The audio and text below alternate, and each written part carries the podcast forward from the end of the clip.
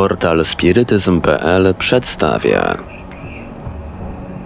Wykłady spirytystyczne. W Radiu Paranormalium prezentujemy zapis wykładu Mikołaja Krawczyka pod tytułem Reinkarnacja w Kabale jaki odbył się w czasie konferencji Reinkarnacja i życie po śmierci w Warszawie 29 maja 2011 roku. Mikołaj Krawczyk jest religioznawcą i prezesem klubu wydawniczego Gnozis. Zapis wykładu udostępniony został przez Polskie Towarzystwo Studiów Spirytystycznych. Zapraszamy na stronę towarzystwa pod adresem www.spirytyzm.pl oraz do księgarni internetowej reveil.pl. Witam Państwa serdecznie. Mm, bardzo mi miło, że jestem pierwszym prelegentem na konferencji poświęconej reinkarnacji. Moje nazwisko Mikołaj Krawczyk, jestem e, wychowankiem Uniwersytetu Jagiellońskiego Instytutu Religioznawstwa, uczniem doktora Tomasza Sikory, jeśli chodzi o tematykę e, żydowską, tematykę kabały i szereg innych z tym związanych tematów typu semiotyka,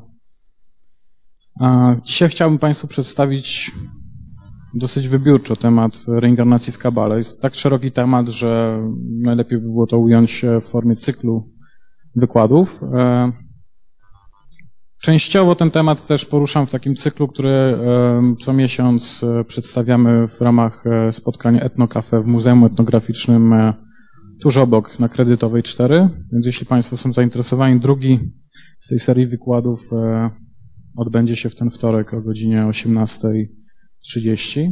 Mam wstęp wolny, zapraszam Państwa. Tam się skupiamy na temacie Golema i tej legendy żydowskiej, ale to się bardzo ładnie wiąże też z reinkarnacją, jak, jak wiele rzeczy zresztą w Kabale. Prawie wszystko ze wszystkim się wiąże. Jeśli Państwo będą mieli jakieś pytania po tym wykładzie do mnie, to zapraszam ten mail podany tutaj przeze mnie. Z chęcią postaram się odpowiedzieć. Um, ten wykład, który teraz chcę Państwu przedstawić, e, opiera się głównie na, na tym, co przedstawił w swoim dorobku e, i w, swoich, w swoim artykule na ten temat e, Gershom Scholem, ale nie tylko. Jest to też oparte na źródłach, na przykład na źródłach, o którym będę później mówił, na bramach wcieleń Chaima Vitala z XVI wieku. Jest taki tekst, który jest e, dostępny zarówno po hebrajsku współcześnie, jak i, jak i w tłumaczeniach już chyba na angielski i kilka innych języków. No i oczywiście też kilka tam moich przemyśleń na ten temat Państwu podaję.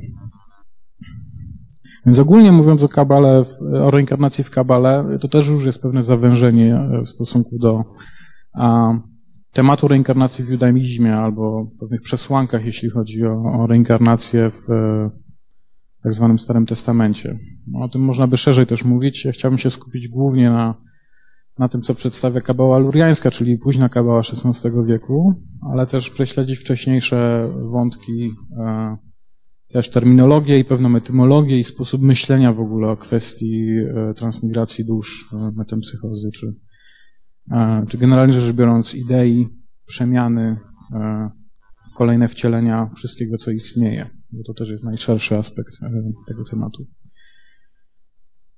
Więc może zaczynając od, e, od, od kwestii etymologicznej, kwestii językowej. W hebrajsku reinkarnacja ma taki kluczowy termin Gilgul.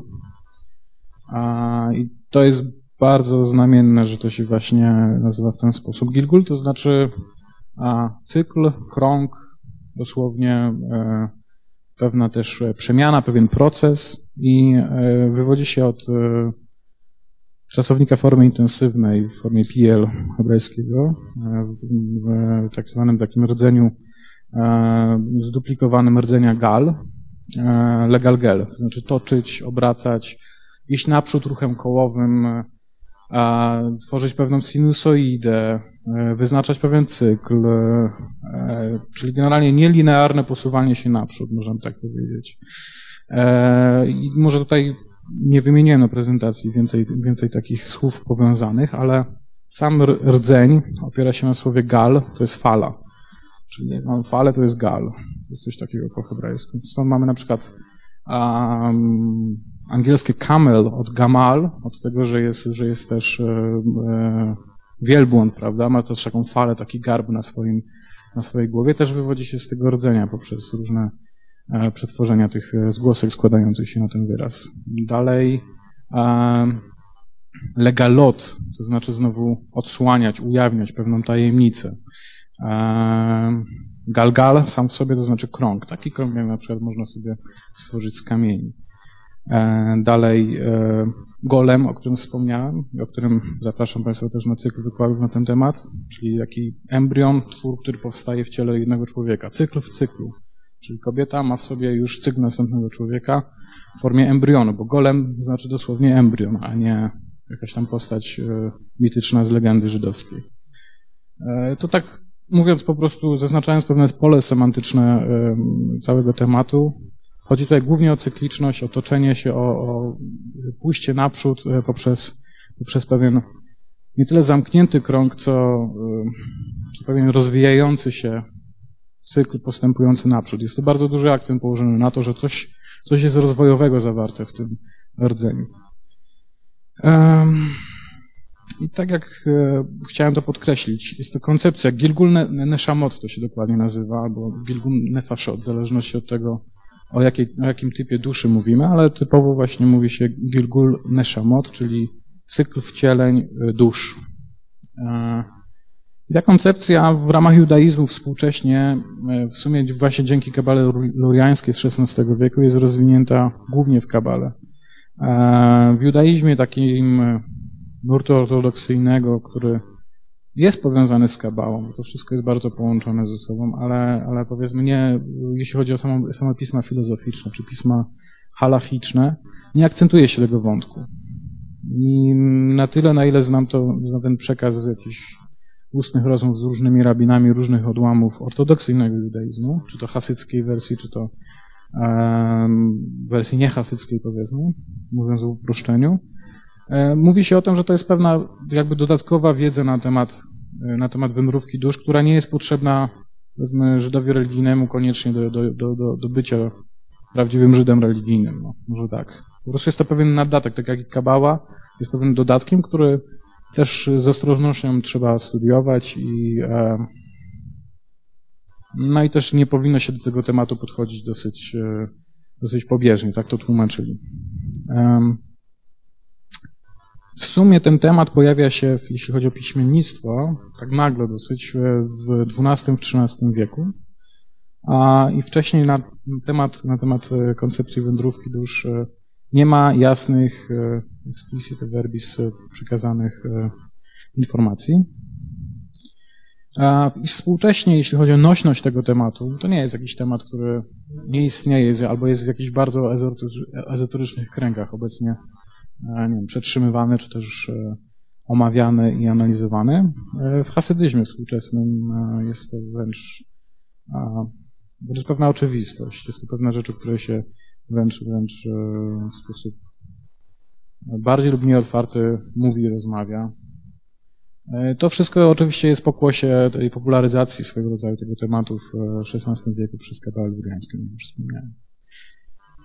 Dalej chciałbym prześledzić jak ten wątek e, przechodzi przez kolejne stadia historyczne, ale też, żeby, żeby nie kłaść zbyt dużego jak nacisku na to, kto, kiedy i co powiedział, tylko bardziej na sens, skupię się na, na tym, jakie są podstawowe zagadnienia z tym związane, czyli wobec takiej, tak mi się wydaje, w ramach, w ramach ogólnej kultury New Age'u, rozumienia reinkarnacji w ramach, w ramach myślenia hinduistycznego, jak to się ma właśnie do tego pewnego modelu samsarycznego, czy też karmicznego, który, jak moja intuicja mi mówi, najpierw pojawiał się w naszej świadomości tutaj w Polsce, dopiero potem pojawiały się inne e, elementy z innych kultur.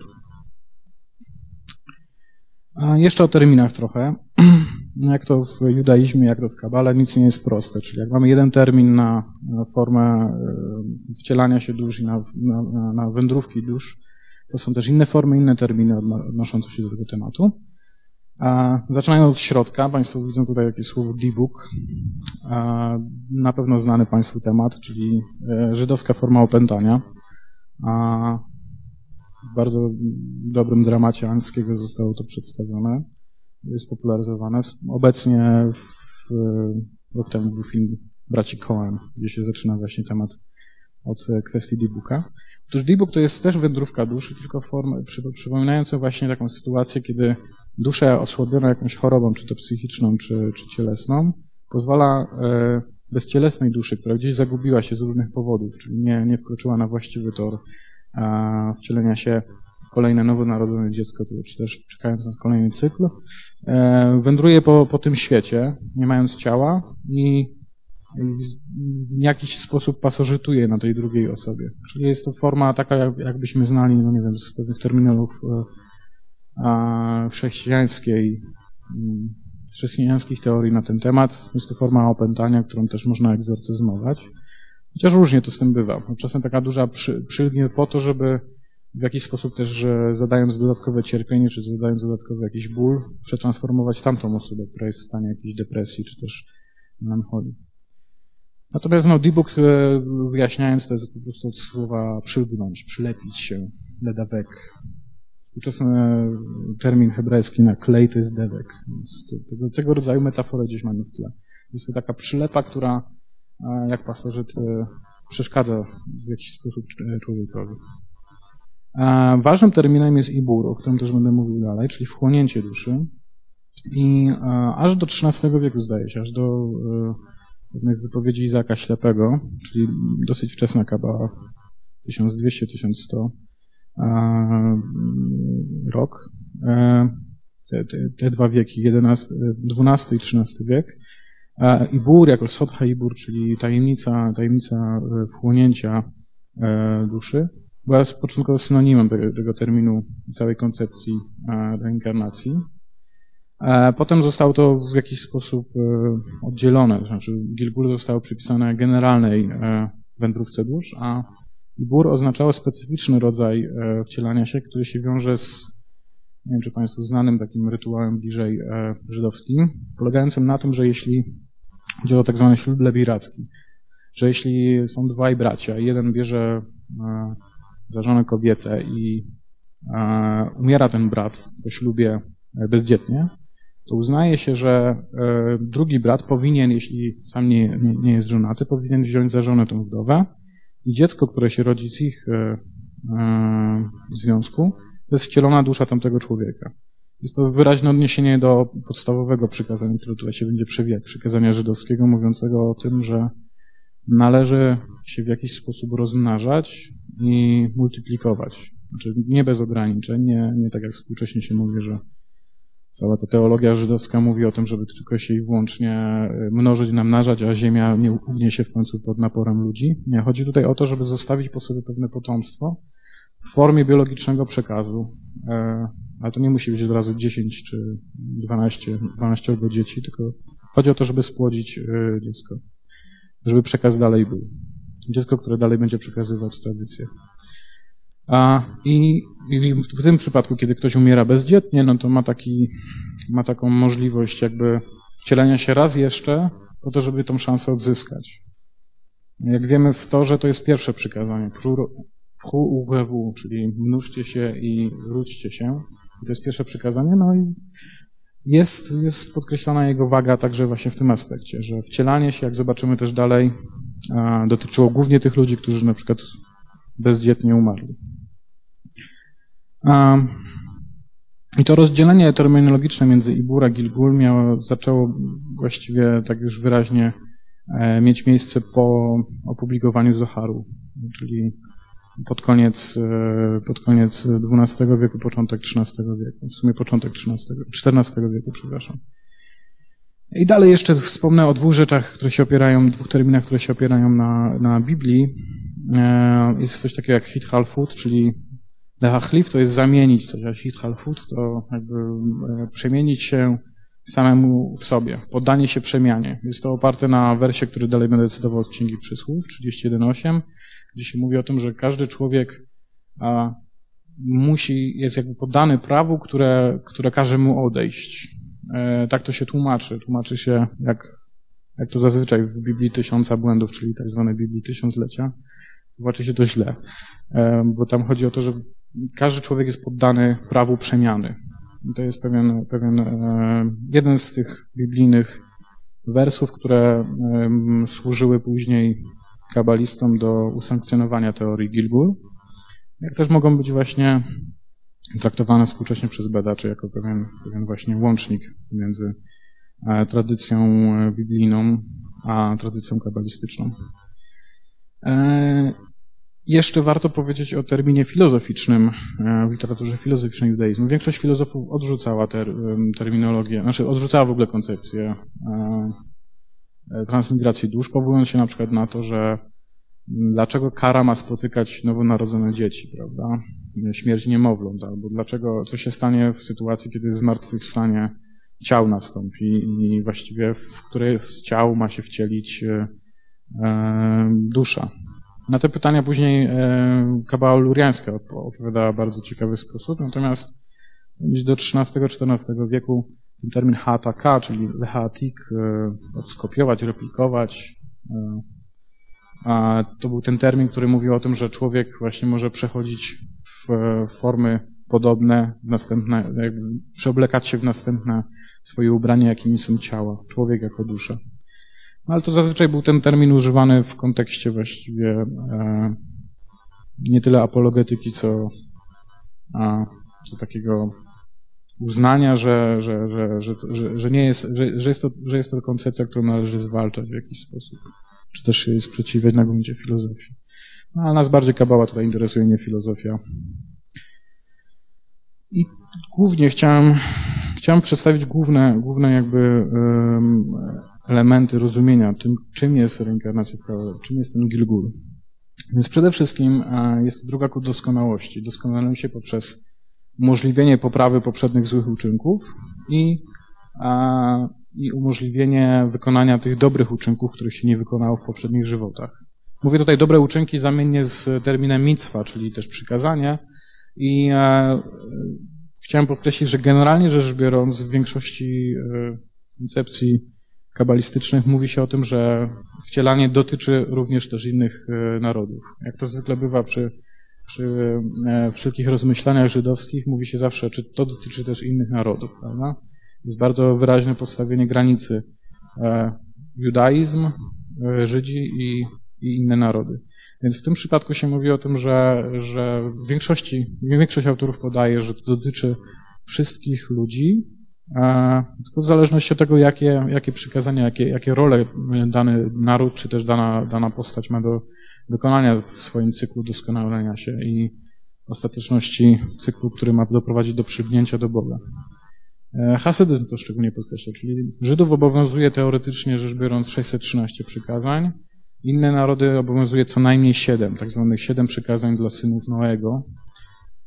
Widać tutaj pewną różnicę, prawda, że 613 a 7 mi osobiście to się rzadko podobało, że w ogóle się nie podobało, że zaraz, zaraz ktoś sobie daje aż tyle, a reszcie zostawia się tylko 7 wymogów. E, Podoba mi się myśl części spośród kabalistów, którzy mówią, że to jest to minimum, a ponieważ e, my jako Żydzi nie zajmujemy się e, tematem religii wyznań innych narodów, więc to jest to minimum siedem, które uważamy, że są wspólne dla wszystkich. Natomiast no, jak mają swoje jeszcze, to, to, to proszę bardzo. Swoje też e, jakieś dobre uczynki, przykazania należy wypełnić. I To jest, ta pierwsza, ten pierwszy punkt to jest, to jest punkt związany z myślą hasycką, czyli taką najbardziej inkluzywną, najbardziej mówiącą o szerokim rozumieniu e, wcielania się. Nie tylko wcielania się w ciała ludzkie, tylko wcielania się też również w ciała zwierząt, roślin, nawet w e, formy nieorganiczne, na przykład w kamienie. E, Również dotyczy to w myśleniu hasyckim w niektórych nurtach wcielania się w wyższe sfery, czyli w, w sfery anielskie, w sfery e, sfery, sfery, no tak, sfery sefirot, czyli tak zwanych sefir, czasem się tłumaczy jako sefirot, jako sfery, ale to, to może zostawmy ten termin bez tłumaczenia. E, drugi, drugi sposób rozumienia to jest głównie propagowany przez kapałę luriańską, czyli to XVI wiek, jako sposób na mistyczną odbudowę idealnego świata, tikkun haolam. E, Lecaken, ulepszyć coś, poprawić, czyli po po tej kosmicznej katastrofie, jaką był e, grzech pierworodny Adama, czy też Adama Kadmona, tego przedwiecznego Adama, e, świat znajduje się w fazie e, duchowego nieładu i reinkarnacja ma na celu umożliwić e, poprzez pewne cykle wcielenia i doskonalenia się na poszczególnych stadiach wcielania się człowieka, ma umożliwić człowiekowi restytucję tych duchowych elementów, tak żeby, tak żeby ten, ta naprawa świata wraz z nadejściem oczywiście Mesjasza na sam koniec e, mogła się udać. I w tym uczestniczy cała populacja ludzkości. Trzeci element, i te wszystkie elementy się w jakiś sposób zazębiają, czasem się wykluczają u różnych autorów, to jest oczywiście pokuta za grzechy i nagroda za dobre czyny, czyli takie trochę prawo karmy, można by powiedzieć. I podstawowym tutaj jakby takim blueprint e, dla tej koncepcji jest e, Księga Hioba oczywiście. Czyli człowiek, który jest niby sprawiedliwy, ale wszystko mu, właściwie wszystkiego, niczego mu nie brakuje. Ma pieniądze, e, rodzinę, generalną pomyślność, ale jednak Bóg na niego zsyła próbę po to, żeby sprawdzić, czy jak mu będzie trochę gorzej, to też będzie równie wierny Bogu. Na sam koniec wiadomo, że Hiob dostaje z powrotem z nawiązką to, co mu zostało wybrane. Tam się pojawia kilka wersetów, które odnoszą się do naszej właśnie e, omawianej przez nas koncepcji. I dalej. A jak to zwykle bywa z takimi ideami? One się, one ewoluują. I na samym początku, czyli w początkach jakby ukazania się tej idei w formie pisemnej, czyli tutaj mówimy o, o, o XIII wieku, za chwileczkę się trochę cofniemy, Gilgul nie uznawano jako, w ramach, ramach kabały jako uniwersalnego prawa i e, na podobieństwo właśnie hinduskiej samsary czy karmy. I mówiło się raczej o, o tym, że dotyczy tak naprawdę nawet nie, nie wszystkich e, ludzi, tylko, tylko tych, którzy e, albo właśnie nie spłodzili jakiegoś, nie spłodzili biologicznego potomka, czyli grzeszące zaniechaniem aktu prokreacji, albo tych dotyczy, którzy no, bardzo wyraźnie zgrzeszyli w obszarze świętości, jakim jest element właśnie bycia w relacjach seksualnych. Jeśli to są, jeśli to są grzechy tak potężne, jak właśnie chcę być poprawny politycznie, więc może nie będę wymieniał, ale ale, ale e, chodzi o wszelkie, wszelkie niedozwolone e, akty i relacje seksualne w ramach judaizmu. Państwo pewnie domyślają się o co chodzi.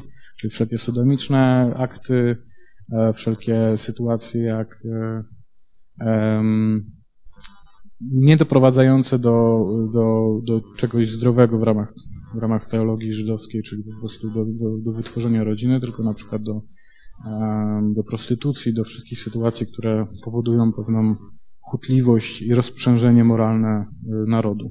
Tak bym powiedział w skrócie. Więc ci ludzie, którzy coś takiego propagują, można powiedzieć, że król Salomon był, był tu pierwszym, który musiałby się wcielić, bo miał chyba około 900 nałożnic. A zresztą tak w tradycji żydowskiej jest postrzegany jako bardzo negatywna postać paradoksalnie.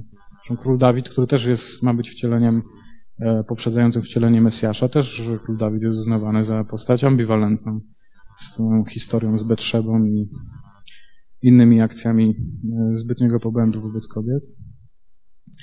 A, to są te sytuacje, e, które do, reinkarnacja miała dotyczyć tylko tych ludzi, którzy albo po prostu nie zdążyli za życia spłodzić potomka, czy też urodzić potomka, jeśli chodziło o kobietę, albo kwestie seksualne traktowali dosyć niewłaściwie. Ale trzeci e, aspekt to byłby w aspekcie właśnie pewnego boskiego prawa, e, czyli już bardziej właśnie patrzenia karmicznie na ten temat, jednocześnie uznanego jako akt boskiego miłosierdzia. No bo jeśli człowiek, nie wiem, czy Państwo kojarzą taki, taki temat ze Starego Testamentu, że, się, że są pewne grzechy, które powodują, że człowiek zostaje odcięty duchowo od swojego korzenia, zostaje odcięty od Boga i zostaje odcięty też od społeczności. To są typu na przykład bluźnierstwo wobec Boga jest takim, takim strasznym grzechem, który w Torze się mówi o czymś takim jak kriyat, e, lechakriya e, me, me Hashem, czyli bycie oddzielonym od Boga. Tutaj dając pewną dygresję, jak Państwo znają takiego, taką postać na gruncie chrześcijańskim, Judasz Iskariota, prawda? E, no to też kolejny przykład złego tłumaczenia tego, tego, tego mm, imienia tej postaci, no bo w Biblii tysiąca błędów, jak nazywam tysiąclatkę, jest przedstawione to jako że Jehuda, właśnie Judasz pochodził z takiego mm, e, miejscowości, która się nazywa Karia i właśnie dlatego Ishha Karia, że on jest człowiekiem z tej Kairi albo z Iskari pochodzi. To jest oczywiście beznadziejnym tłumaczeniem, bo tutaj w tle chodzi o głęboki sens, dlaczego on się nazywa w ten sposób, bo e, Judasz Iskariota to jest Judasz Iszkaria, czyli Judasz człowiek, ten, który jest oderwany od Boga. W jego samym, samej, samym imieniu, nazwisku jest zawarty, e, zawa, zawarty ten, e, ten element jego tragedii, zdrajcy Boga. No to tak przy okazji.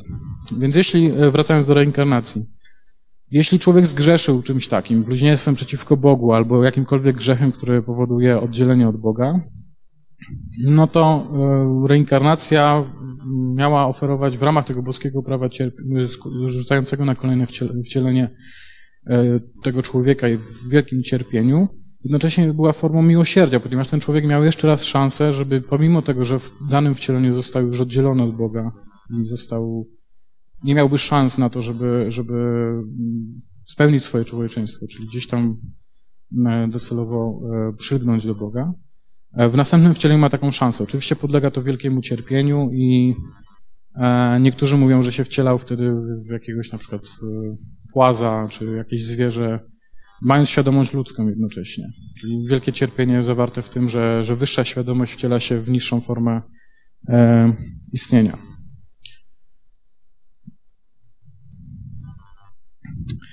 Teraz troszeczkę o samej właśnie koncepcji historycznej. Tak jak wspomniałem, w, Pojawia się ten temat w XII wieku w Księdze Jasności. Nie byli z, z Księgą Zoharu, czyli Księgą Blasku.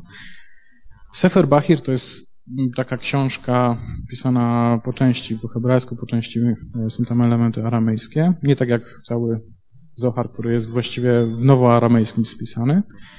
I tam już jest bardzo ciekawa rzecz, że właśnie koncepcja kabały jest przyjęta jako oczywistość, czyli żadnej apologetyki tu się nie uprawia, po prostu uznaje się, że no, to jest temat powszechnie znany.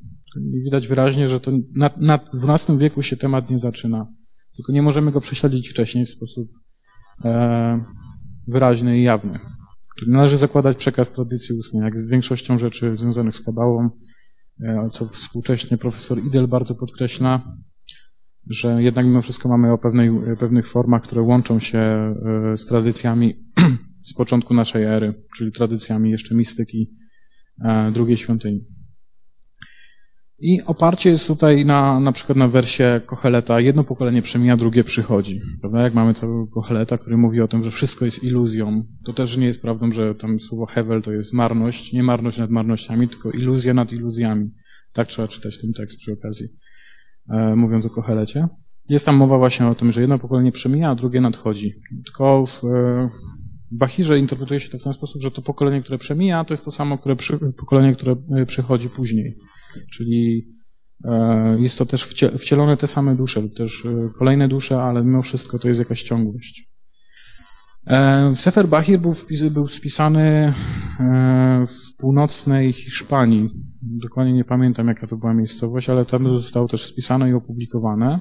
I to są czasy e, też e, po drugiej stronie Pirenejów, troszeczkę też na południe od Pirenejów, to są czasy też e, żyjących w Languedocji, Prowansji Katarów. Szolem przypuszczał, że być może tutaj miała miejsce jakaś wzajemna inspiracja. Nie pokazuje kierunku, ale jak wiemy, jak pewnie profesor Prokopiuk będzie o tym mówił, później.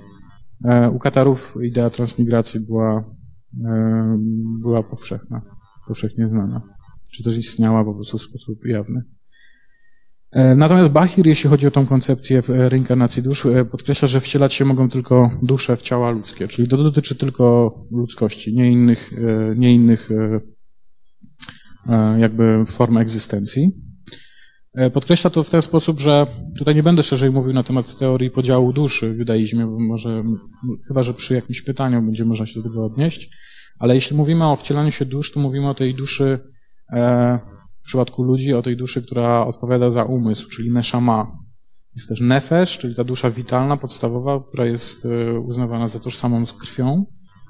E, jest też forma ruach, czyli duch, albo powinno się tłumaczyć jako duchini, bo to jest forma żeńska odpowiadające za serce I jest to właśnie forma neshama, czyli e, coś, co odpowiada za umysł, za mózg. I ta właśnie forma, ta, jako, jako dusza wciela się w, kolejnych, w kolejne ciała. Oczywiście są jeszcze dwie, dwie inne e, formy dusz w kabale luriańskiej, ale o tym może kiedy indziej albo e, dalej powiem. Dalej, reinkarnacja w Bahirze. Bahir mówi, oczywiście to jest forma takiej hiperboli, że e, wcielać się może nawet do tysiąca pokoleń. Tysiąc tutaj oznacza po prostu, że to jest pewien cykl, który nie ma pewnego krańca, nie ma pewnego wyraźnego stopu, że to może trwać tylko, no nie wiem, pięć razy się człowiek wcieli już będzie ok, czy, czy, czy sześć. Nie, chodzi o to, że to wszystko zależy też od pewnych kwestii związanych z tak zwanym wolnym wyborem i szeregiem innych elementów, czyli grzesznik, jeśli się nie będzie uczył przez kolejne wcielenia, będzie się wcielał aż do tysiąca pokoleń, czyli to może trwać bardzo długo. A sprawiedliwy może, może to zrobić, to co jest celem człowieka w przeciągu jednego, dwóch wcieleń. Natomiast w księdze Hioba jest, jest werset, właśnie 33, 33 rozdział, 29 werset, mówi Bóg czyni to dwa, trzy razy z człowiekiem. Tam jest takie enigmatyczne stwierdzenie. Oczywiście mówi to Hiob, który w 33 rozdziale jest w stanie głębokiego cierpienia. Odpada mu skóra płatami całymi, cierpi na trąd i wręcz taką skorupką siedzi na kupie łajna i zdziera tą skórę z siebie. Nie jest to komfortowy e, moment w jego życiu i właśnie bardzo biadoli nad swoim życiem. I e, odnosi się to właśnie w ten sposób, e, że Hiob wtedy oczywiście swoją karmiczną jakiś tam dług spłaca w interpretacji kabalistów. E, interpretacje są też różne, bo mówi się też o tym, że sprawiedliwi w formie takich, przez analogię do, do buddyjskich postaci bodhisattvów, też tzadikim, czyli sprawiedliwi, też, też mogą się wcielać wielokrotnie po to, żeby pomagać w określonych scenariuszach, w określonych sytuacjach dziejowych, pomagać danej społeczności, żeby nakierować na właściwy rozwój. E, czyli to jest dobrowolne wcielanie się kogoś, kto już nie musi się wcielać ze względu na jakieś e, kwestie związane z grzechami. Natomiast czasem to się odwraca, że, że właśnie sprawiedliwi tylko kilka razy mogą też e, wcielać się, a, a innym razem mówi się o tym, że to właśnie grzesznicy wiele pokoleń muszą się wcielać. Tak, więc nawet w samym Bahirze, tutaj mówimy już o innych źródłach, ale w samym Bahirze też się znajdują niejasności co do tego tematu. Kwestia piekła. No bo skoro mamy coś takiego, nie wiem, jak w chrześcijaństwie też e, dalej to poszło, traktuje się to jako pewną, pewną instytucję, miejsce, gdzie, gdzie się cierpi za grzechy i to już jest nieodwracalne.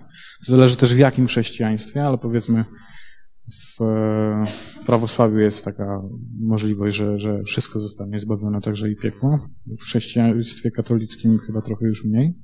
Natomiast e, Józef z Hamadanu, to już jest XIV wiek, wybitny kabalista, wspominał o tym, że koncepcja piekła bynajmniej nie, nie może stać w przestrzeni wobec koncepcji reinkarnacji, bo piekłem jest właśnie wcielanie się ze świadomością ludzką e, w ciała zwierząt. Czyli już od XIV wieku widzimy, że koncepcja się roz, rozrasta, to znaczy nie dotyczy już tylko ludzi, tylko wcielać się można we wszelkie formy istnienia, także niższe.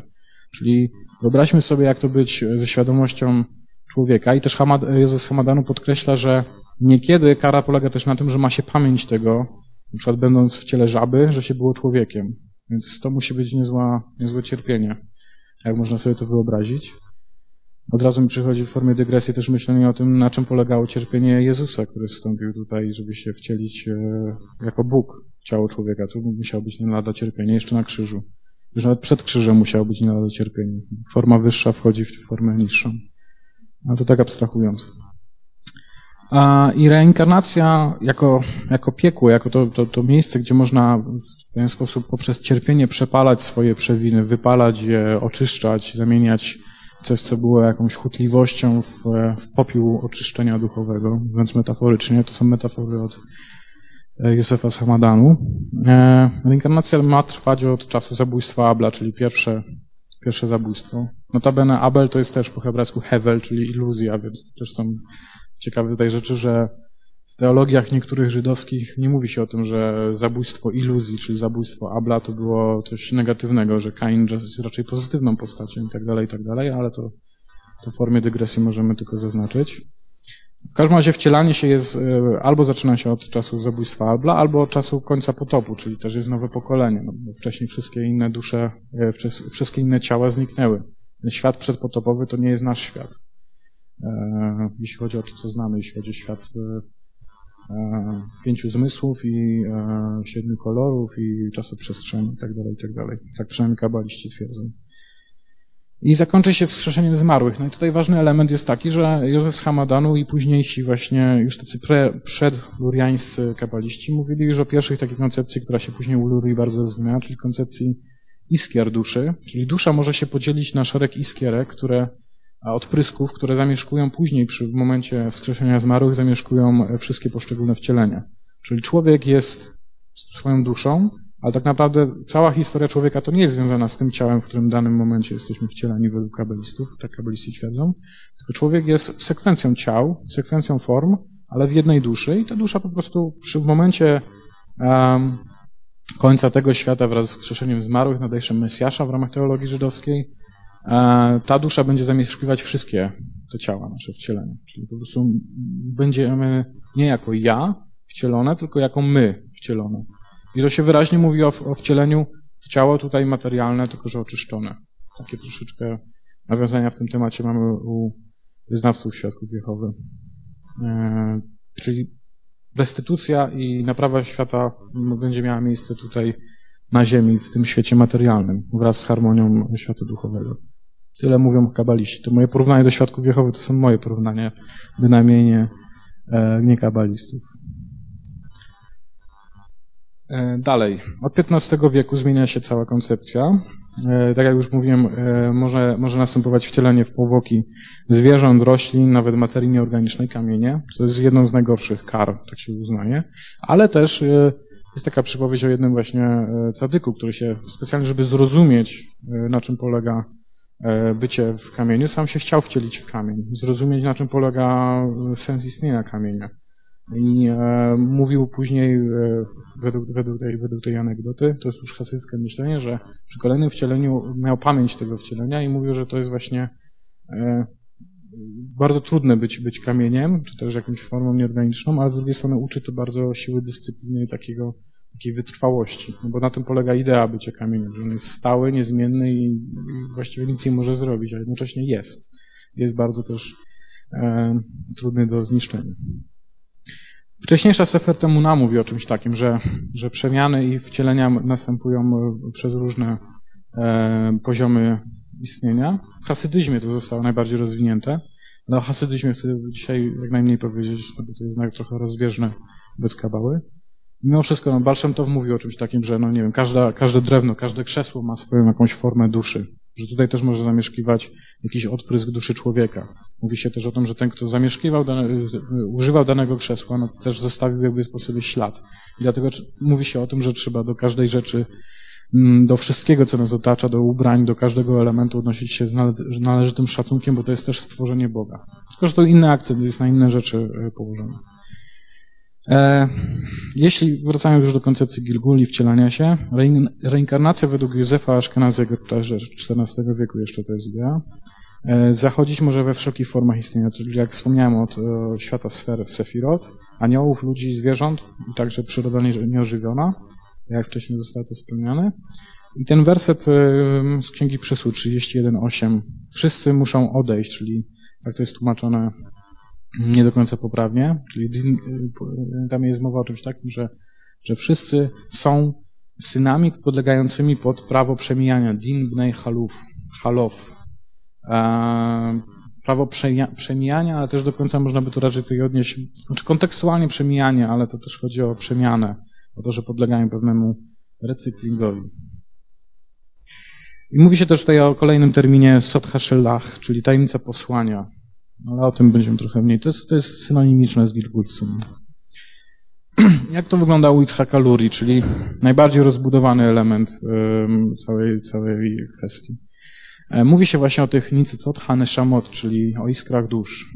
E, Nie będę tutaj rozwodził się nad całą tą koncepcją, ona jest bardzo rozbudowana od czasu e, tej katastrofy kosmicznej, od upadku kosmicznego Adama, Adama Kadmona, jak one się rozdzielają, te wszystkie dusze, jak to wszystko przechodzi.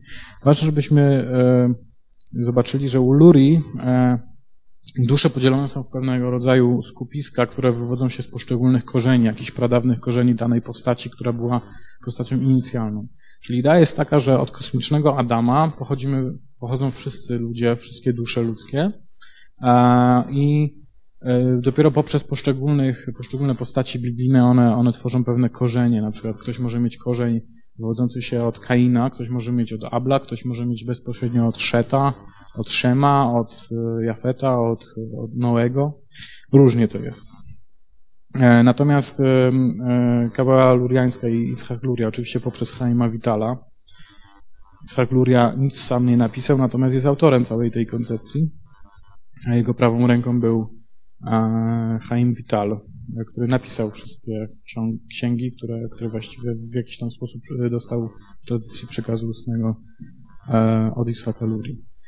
Mowa jest tam na przykład o tym, że, e, że tak jak wspomniane przeze mnie korzenie dusz wywodzą się od Adama, to później przechodzą przez pewne, przez pewne e, ciągi. Czyli Mojżesz był, e, był wcieleniem Abla, a jego teść wcieleniem Kaina. Stąd te niesnaski były wyjaśnione między nimi, między teściem a Mojżeszem. Niesnaskie jednocześnie bardzo bardzo jakieś silne powinowactwo, bo jak wiemy o Jetrze, Jetro jest e, przedstawiony jako kapłan e, Jutchewawche, jako kapłan Boga. Zanim Mojżesz stał się jakby naczelnym kapłanem, czy też naczelnym prorokiem Boga.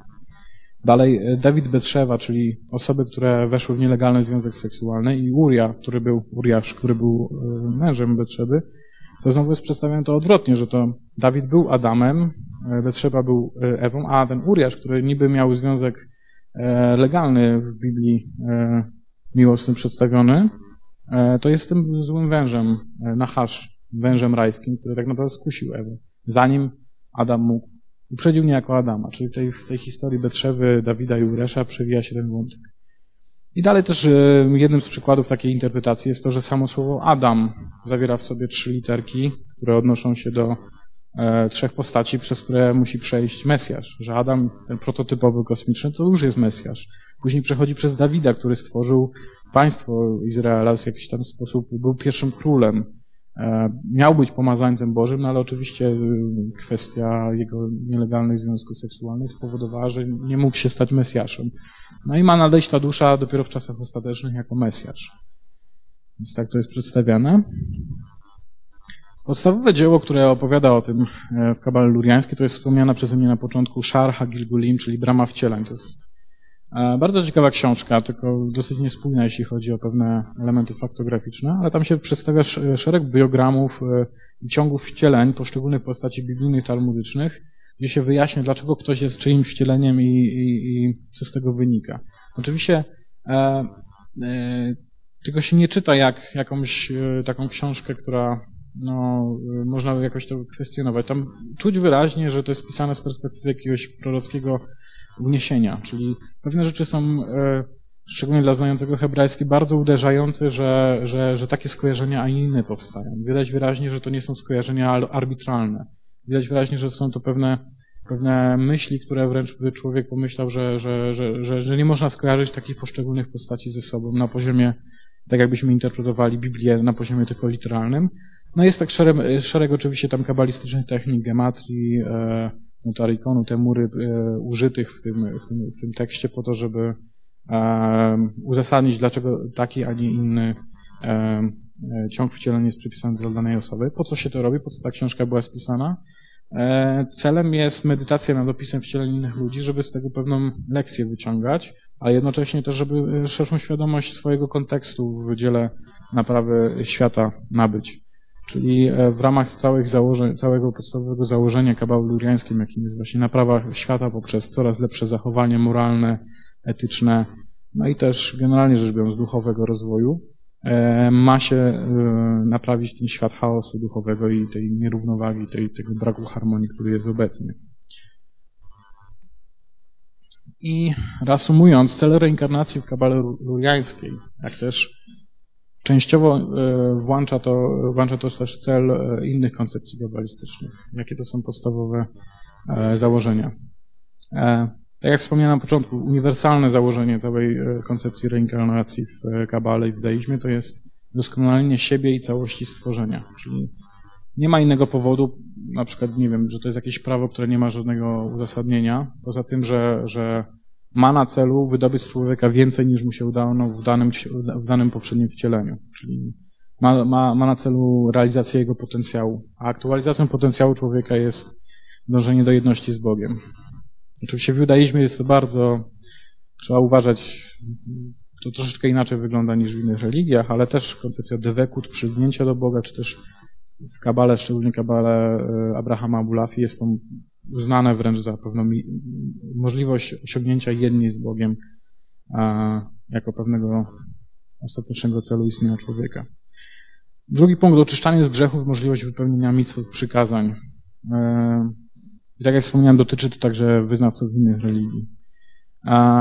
Kolejne pokolenia i wcielenia mają, e, mają wyzwalać coraz głębsze pokłady upadłych iskier, czyli część dusz upadła bardzo głęboko. E, ktoś, kto kiedyś był wysoko jakimś aniołem w świecie idealnym, upadł, być może teraz jest jakimś totalitarnym E, autorytarnym mordercą, władcą jakiegoś kraju. Być może, no nie wiem, Adolf Hitler był wcześniej jakimś wysoki, wysoko postawionym aniołem, tak, w tej koncepcji.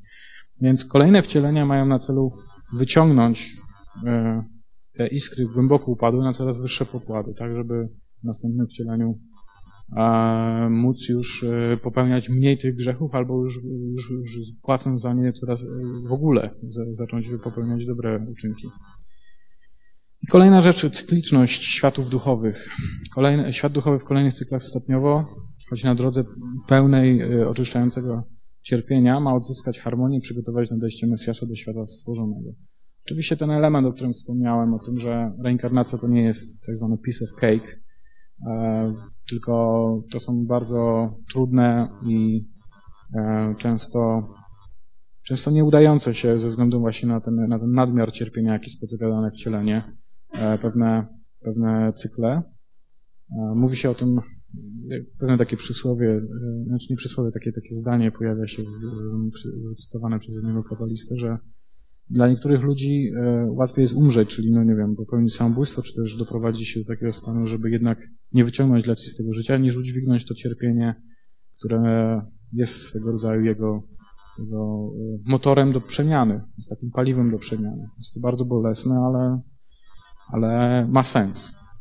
Nadanie sensu e, cierpieniu ludzkiemu też jest jakby w ramach wyjaśnienia, w ramach e, koncepcji reinkarnacji, koncepcji Gilgul jest też jednym poniekąd z pewnych celów e, całej tej koncepcji, albo też się zazębia, prawda? Odnajduje się sens cierpienia ludzkiego również w reinkarnacji, koncepcji reinkarnacji w Kabale. To jest pewien plan, który chciałem Państwu przedstawić i jeśli Państwo mają pytania, to e, bardzo dziękuję za uwagę. Chciałem prześledzić to aż do momentu, kiedy dochodzimy do pewnych e, ustaleń teologicznych e, reinkarnacji w Kabale. Ale zapraszam na pytania, być może możemy pogłębić jakiś element, który Państwa interesuje. Dziękuję serdecznie. W Radiu Paranormalium zaprezentowaliśmy zapis wykładu Mikołaja Krawczyka pod tytułem Reinkarnacja w Kabale jaki odbył się w czasie konferencji Reinkarnacja i życie po śmierci w Warszawie 29 maja 2011 roku. Mikołaj Krawczyk jest religioznawcą i prezesem klubu wydawniczego Gnosis. Zapis wykładu udostępniony został przez Polskie Towarzystwo Studiów Spirytystycznych. Zapraszamy na stronę towarzystwa pod adresem www.spirytyzm.pl oraz do księgarni internetowej reveil.pl.